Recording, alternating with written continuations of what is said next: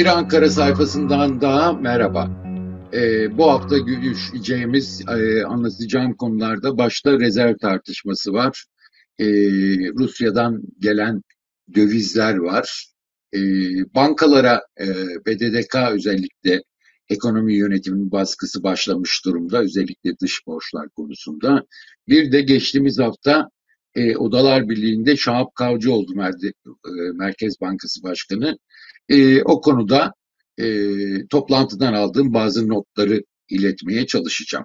Şimdi e, son iki haftadır e, rezervlerde bir artış var.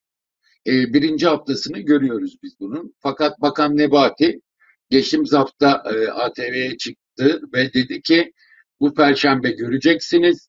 Bir dahaki perşembe de göreceksiniz rezervlerin arttığını dedi. E, ve e, bir sinyal verdi. Hatırlıyorsanız iki hafta önce e, bir e, yatırımlarla ilgili e, Hazine Bakanlığı'nda bir şeylerin konuşulduğunu, Bakan Nebati'nin çıkacağını ve e, piyasayı sakinleştirmek için açıklamalar yapacağını duyurmuştum. O biraz gecikmeyle sanıyorum şimdi oluyor. Ama ne olduğunu bilmiyorduk. E, şimdi Rusya'dan Akkuyu kanalıyla gelen bir paradan söz ediyoruz. Ama gerçekten ne olduğunu hala bilmiyoruz. Onu da söylememiz lazım e, ve tehlikeli yollara girileceğini döviz ihtiyacı yüzünden e, uyarmıştım. Sanıyorum e, o tehlikeli yollara giriyoruz. Her şeyden önce rezervlerle ilgili e, Bakan Nebati'nin söylediği doğrudan yatırımlar gelecek, gel, gelmeye başladı, gelecek diyor. Cari işlemler açığı kadar doğrudan yatırımla biz bu sene karşılayacağız diyor. Yani 45-50 milyardan dolardan bahsediyor cari açık bu yıl sonunda öyle bir rakam olacak. Ama piyasada konuşulan işte Akkuyu için e, hem oradaki yapım şirketi e, devreden çıkarıldı Türk şirketi hem de işte 2 milyar dolar geldi. 15 e, milyar dolara kadar para gelecek gibi laflar var. E, bir kere her şeyden önce şunu söylemek lazım. E, Bakan Nebati gerçekten bizim anladığımız anlamda bir doğrudan yatırım gelse, yani doğrudan yatırım nedir? E, ya burada şirket satın almaları olur ya da buradaki şirketlerin sermayelerini arttırma ve dışarıdan taze döviz girişi olur. Böyle bir şeyler olsa bunun nereden geldiğini açıklar ve bunu da piyasada bayağı e, süsleyerek satar. Yani bunun aksi mümkün değil. E, Türkiye uzun zamandır doğrudan yatırım bekliyor. Doğrudan yatırım gelince bununla övünmek lazım. Hele ki e, bu hükümetin haydi haydi bu e, döviz yokluğunda övünmesi lazım. Ama övünmüyor. E, daha gelecek diyor. Nereden geleceği önemli değil diyor. E, işte e, cari açığı karşılayacak kadar geliyor diyor.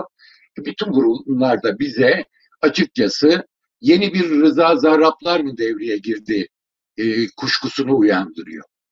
E, hatırlanacağı gibi İran e, ambargosu sırasında Rıza Zarap kanalıyla e, bu ambargo delinmişti. Sonunda da başımıza çok büyük bir bela açılmıştı.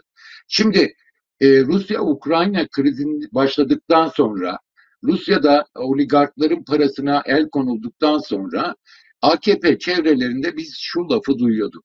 Ya bize birkaç tane daha Rıza Zarrab lazım bu dönemde. Bu ne demek? Yaptırımları e, arka kapıdan dolanarak Türkiye'ye döviz girişi sağlamak demek.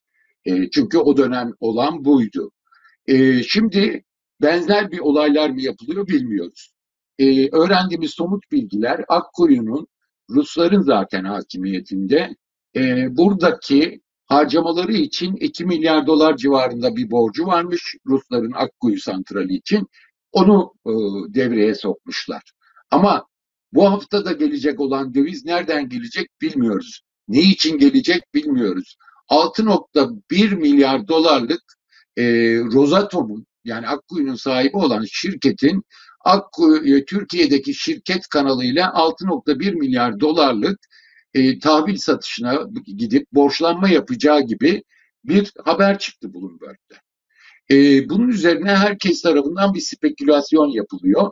Ama dediğim gibi hiçbir şekilde şeffaf bir biçimde bu paranın nasıl geldiği, ne için geldiği, neresi kanalıyla geldiği, e, bankalara gelip e, Merkez Bankası'na niye toplam birlikten yatırıldığı filan gibi şeyler söz konusu değil. Artı bu sadece Rusya'dan gelen para mı? Yoksa bu hafta gelecek olan para başka yerden de mi para gelecek? E, bütün bunlar e, meçhul konular ama tehlikeli konular. Yani ben kendi deneyimimden anlatayım. Çok yakın izlediğimiz Rıza Zarrab dönemini. Rıza Zarrab döneminde Amerikalı e, yetkililer gelip Halk Bankası'nı uyarıyorlardı. O dönemin e, Halk Bankası Genel Müdürüne ben en azından 2-3 kere bu soruyu yönelttim. Ya Amerikalılar geliyor böyle bir arkadan dolanma, yaptırımı bozma var. Bu bizim başımıza iş açacak gibi görünüyor. Ne oluyor diye her seferinde konuştuk. Hiçbir sorun yok. Bize teşekkür ettiler, gittiler filan diyordu. E, sonunda e, Rıza Zarrab'ı yani paketlediler ve Amerika'ya götürdüler, itirafçı yaptılar. Yani e, bu yaptırımların delindiği, e, kamudaki bazı kişiler kanalıyla onların da e, belirli kardan e, transferler yapılarak delindiği ve e, bu işin Türkiye'nin başına bela. Şu anda hala Halk Bankası davası devam ediyor. Bitmiş değil. Halk Bankası'nın itirazları kabul edilmedi ve e, bir dönem bu sene içerisinde bir dönem yeniden karşımıza gelecek. Şimdi acaba Rıza yeni bir Rıza Zarrab mı oluyor? AKP'lilerin istediği Rıza Zarrablar bulundu mu diye insanın aklına geliyor. Çünkü e, gelen paranın kaynağı belli değil, açıklanmıyor, nereye geldiği, ne için geldiği belli değil. Burada e, e, Amerikalı Hazine Bakan Yardımcısı yaklaşık bir buçuk ay önce yine geldi. Zarrab dönemindeki uyarılar gibi geldi, uyarılarda bulundu. Oligarkların paralarını aklamayın dedi. Rusya'nın kapının arkasından yaptırımları delmesine aracı olmayın. Yoksa dedi sizin de sıkıntıya girersiniz dedi. Bütün bunları dedi. Ee, Rıza Zarrab döneminde de denmişti. Şimdi aynısı yine denildi.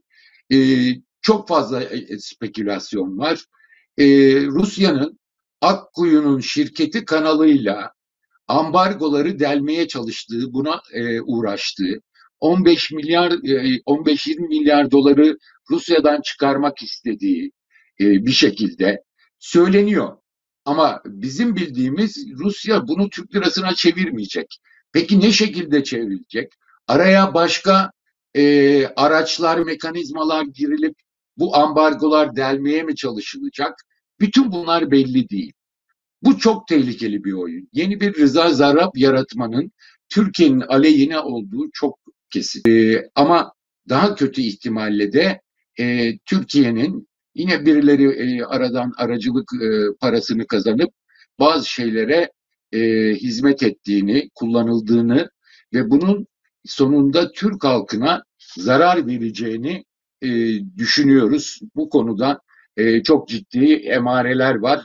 Her şeyden önce de e, şeffaflığın olmaması, doğrudan yatırım denilip halbuki şaşayla anlatılması gereken şey hakkında hiçbir şey söz söylenmemesi bunlar önemli ipuçları. Çünkü böyle şeyler daha önce de oldu. E, döviz açısından çok sıkışık bir dönemde Türkiye nereden ne bulursa bulmaya namzet ve bunu etrafa duyurmuş durumda. Geçen hafta telekomla ilgili şeyi anlatmıştım. E, planlananları anlatmıştım. E, yine nereden ne bulursak onun peşinde ama bunun faturasının çok büyük olacağı kesin. Sadece Rusya değil aslında. E, Irak çok karışık. İran'dan e, para geldiğini biliyoruz. Bu konut alımlarında da gözüküyor. Başka şirketler kanalıyla da gözüküyor.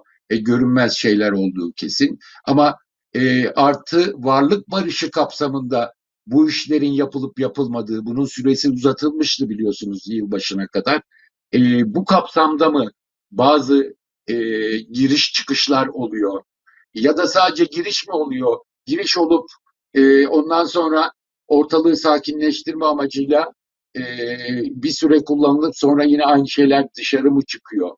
E, muhasebe kayıtlarında başka şeyler mi yapılıyor? Bütün bunlar e, soru işaretlerine neden oluyor.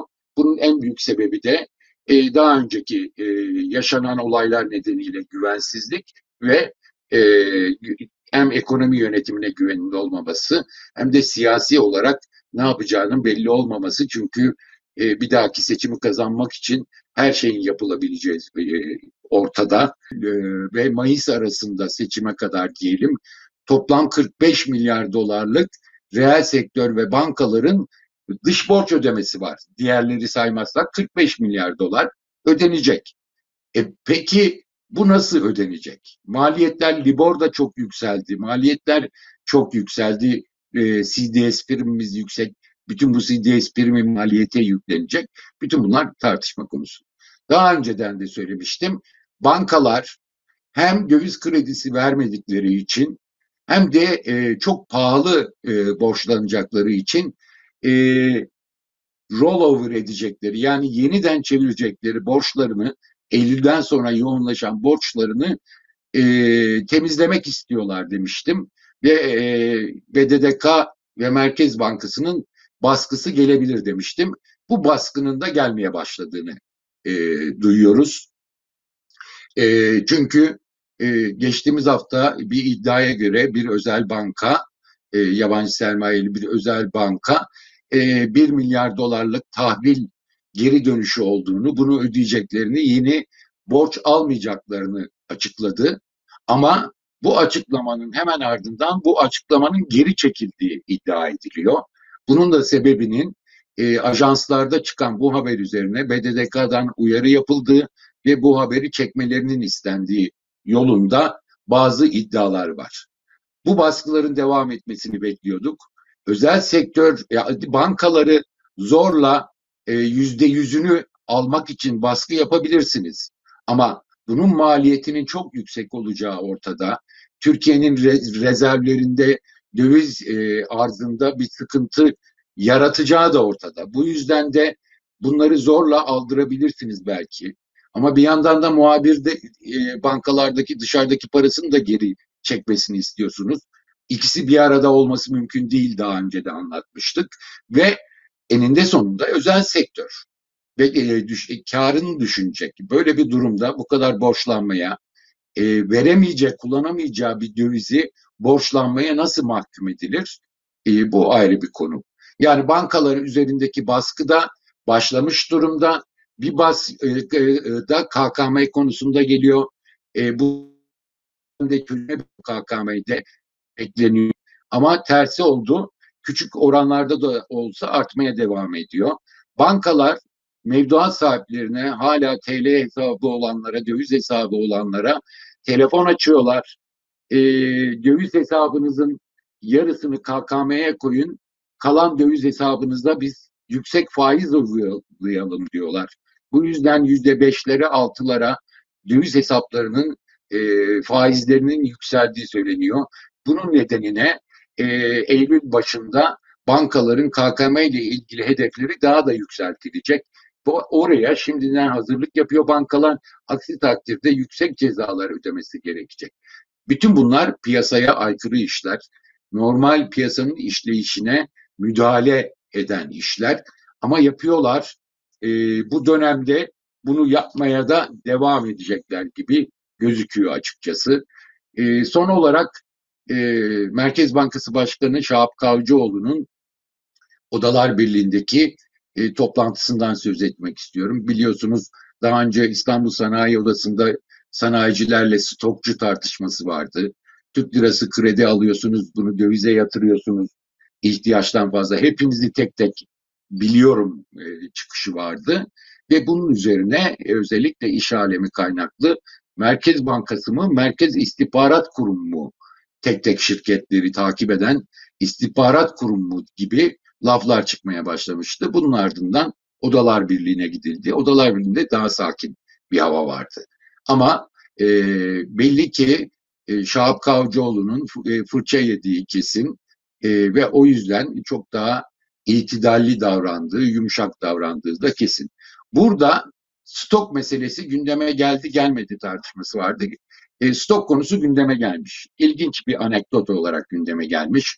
Başkan konuşmuş, Odalar Birliği Başkanı konuşmuş.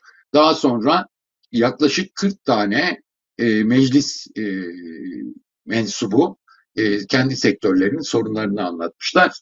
Ve e, buna başlarken denilmiş ki e, Rıfat İsacıklıoğlu tarafından bütün arkadaşlar sorularını sorsun, Sayın Başkan. Siz ondan sonra toptan yanıt verin. Böyle daha pratik olur denmiş. Ama ilk sözü alan Gaziantep Sanayi Odası Başkanı Adil Konuk oldu. Ee, çok deneyimli e, bir sanayici.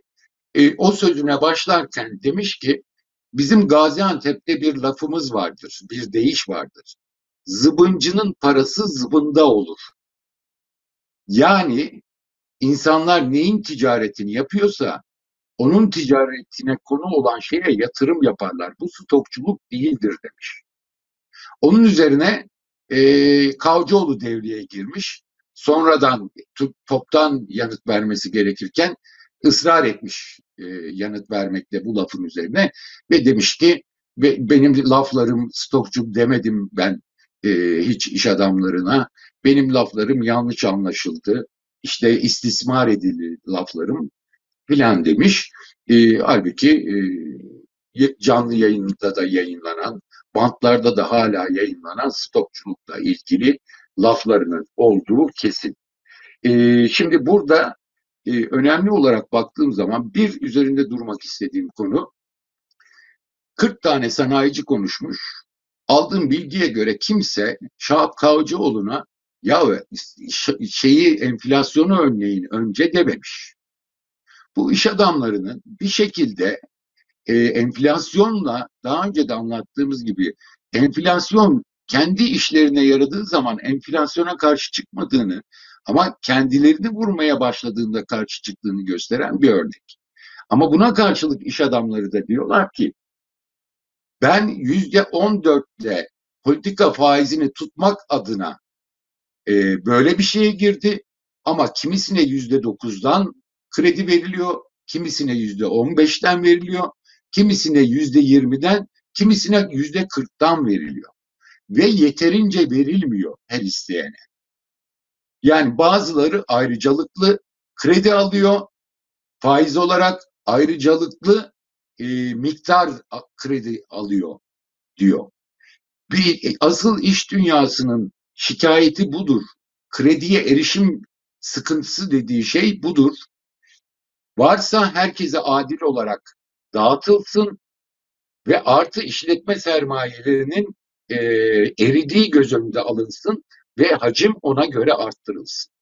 Ama biz biliyoruz ki dövize daha fazla talep olmaması için BDDK ve Merkez Bankası bilinçli olarak önlüyor. Kredi hacimlerini bilinçli olarak önlüyor. Ama birilerine kredi gidiyor mu? Hem de ucuz kredi gidiyor mu? Gidiyor. Asıl iş dünyasının sıkıntısının da bu olduğu söyleniyor. Buna rağmen enflasyondan söz etmemeleri doğru bir şey mi? Elbette değil e, maalesef Türk iş dünyasının yıllardır şeyidir. E, bir tek Kemal Derviş döneminde enflasyon düştüğü zaman nasıl ucuz e, faizle e, şeyine daha doğrusu Kemal Derviş değil Kemal Derviş'in programı devam ettirildiği için ucuz e, krediye erişim sağladıklarını, bankaların kredi vermek için yarışa girdiğini görmemişler gibi davranıyorlar. Yani asıl işin temel noktasının enflasyonun düşürülmesi olduğunu, güvenin sağlanması olduğunu, istikrarın sağlanması olduğunu görmüyorlar. Sadece yine günü kurtarmanın peşinde çalışıyorlar diye not etmek istiyorum. Haklı oldukları başka, haklı gözüken başka bir şey var. İhracattaki döviz alım satımları yüzde kırkta ilgili. E, mesela e, Şahap Kavcıoğlu orada e, savunma sanayinde e, bu şartın olmadığını söylemiş. Ama e, iş adamları diyorlar ki savunma sanayindeki vakıflar, Aselsan, e, Roketsan filan gibi vakıflarda yok. Ama başka ithal eden, e, ithal için dövize ihtiyacı olan özel sektöre ait e, savunma şirketlerinde hala bu zorunluluk var diyorlar. Şahap Kavcıoğlu bir de yazılım sektörüyle ilgili muafiyet tanınacağını söylemiş bu toplantıda. En çok şikayet edilen konulardan biri e, sanayicilerin e, biz döviz size satıyoruz. E, zaten döviz alış ve satış kurları arasında çok büyük e, farklar var. Bir de üstüne yüzde üç ödüyoruz. Yüzde üç iki gün sonra alsam bile size verdiğim dövizi zarar ediyorum. Biz zaten ihracatta çok küçük kar paylarıyla çalışmaya başladık. Bu bizim karımız. Bunu da siz alıyorsunuz bu uygulama nedeniyle. Bize döviz garantisi verin demişler. Yani bizden aldığınız fiyata bize satacağınıza ilişkin e, garanti verin diye talepte bulunmuşlar ve bunun ihracatı e, çekimser davranmaya ittiğini söylemişler. E, Kavcıoğlu her seferinde e, görüşürüz demiş. Yani bütün bunları birlikte çalışalım demiş. Çok müttefik bir tavır sergilemiş. Ama orada da tehlikeli bir hareketi var. E, bütün bunları yaparken tamam bunları çözeriz. Bu kadar sıkıntı olduğunu bilmiyordum. Ortak çalışma kuralım demiş. Ama bir yandan da dönüp e, iş adamlarına demiş ki ama siz bankalar üzerinizdeki baskıyı sürdürmekte devam edin demiş. O baskıyı bırakmayın. Üst, üstlerinde baskı yaratmaya devam edin demiş. Yani iş barışıyla ilgili kredi, reel sektör, banka reel sektör arasında zaten sorunlu bir şey var. Bankalar çok yüksek karlar elde ettikleri için ki Merkez Bankası'nın politikası nedeniyle ettikleri karlar nedeniyle zaten hedef gösterilmiş durumda. E, şirketler sürekli bunu şey yapıyor ama buna karşılık e, bankalar e, çalışabilecek kişilere vermek daha sağlam gitmek zorunda hissediyorlar. Unutmayalım ki bütün bu badirelerden sonra e, en büyük ekonominin güvencelerinden biri bankaların mali yapısının sağlam olması. Bu mali yapı bankalar temkinli davrandığı için oldu. Bunu unutmamaları gerekiyor. Yani bankanlar bakan bankalar temkinli olmayı bırakırsa bu e, bankalar bacağı da sıkıntıya girerse herkes birlikte bunun altında kalır. Bunu unutmamak lazım ve bir merkez bankası e, bankaların bankası olması gerekiyor. Yani sürekli bu böyledir. Öncülük yapması gerekiyor. Onlara e, bir düşman yaratmakla merkez bankacılığı yapılamaz. Bankalara, bankalar olmadan merkez bankası olmaz. Merkez bankası olmadan bankalar olmaz. Bu çok e, yakın bir ilişki. Ama bunu birbirine e, hasım göstererek bunu yapmaya çalışmak bir merkez bankası başkanının hiç yapmaması gereken bir iş. Bu çok açık gözüküyor. Özet olarak döviz sıkıntımız devam ediyor. Yanlış ekonomi politikalarında ısrar ediliyor.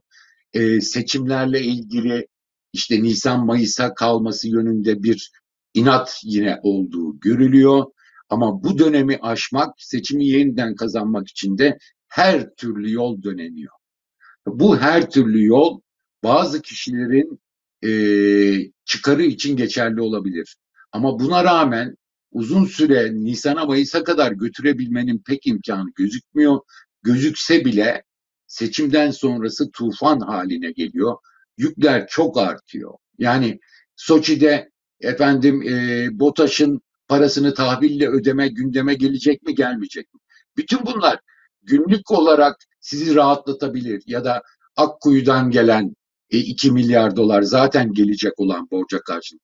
Sizi günlük olarak ama bu uzun süre, orta dönem bile sürdürülebilecek bir politika değil.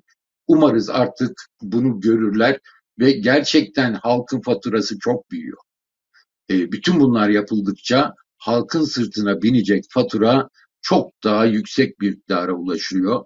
Bu ne demek? Önümüzdeki dönem çok daha acı çekeceğiz demek, yoksullaşma daha da artacak demek. E, ya e, seçim uzadıkça, seçim uzadıkça bu tür e, kararlar alınca bu iş daha da ağırlaşıyor. Ankara'dan bugün aktaracaklarım bu kadar. Tekrar görüşmek üzere.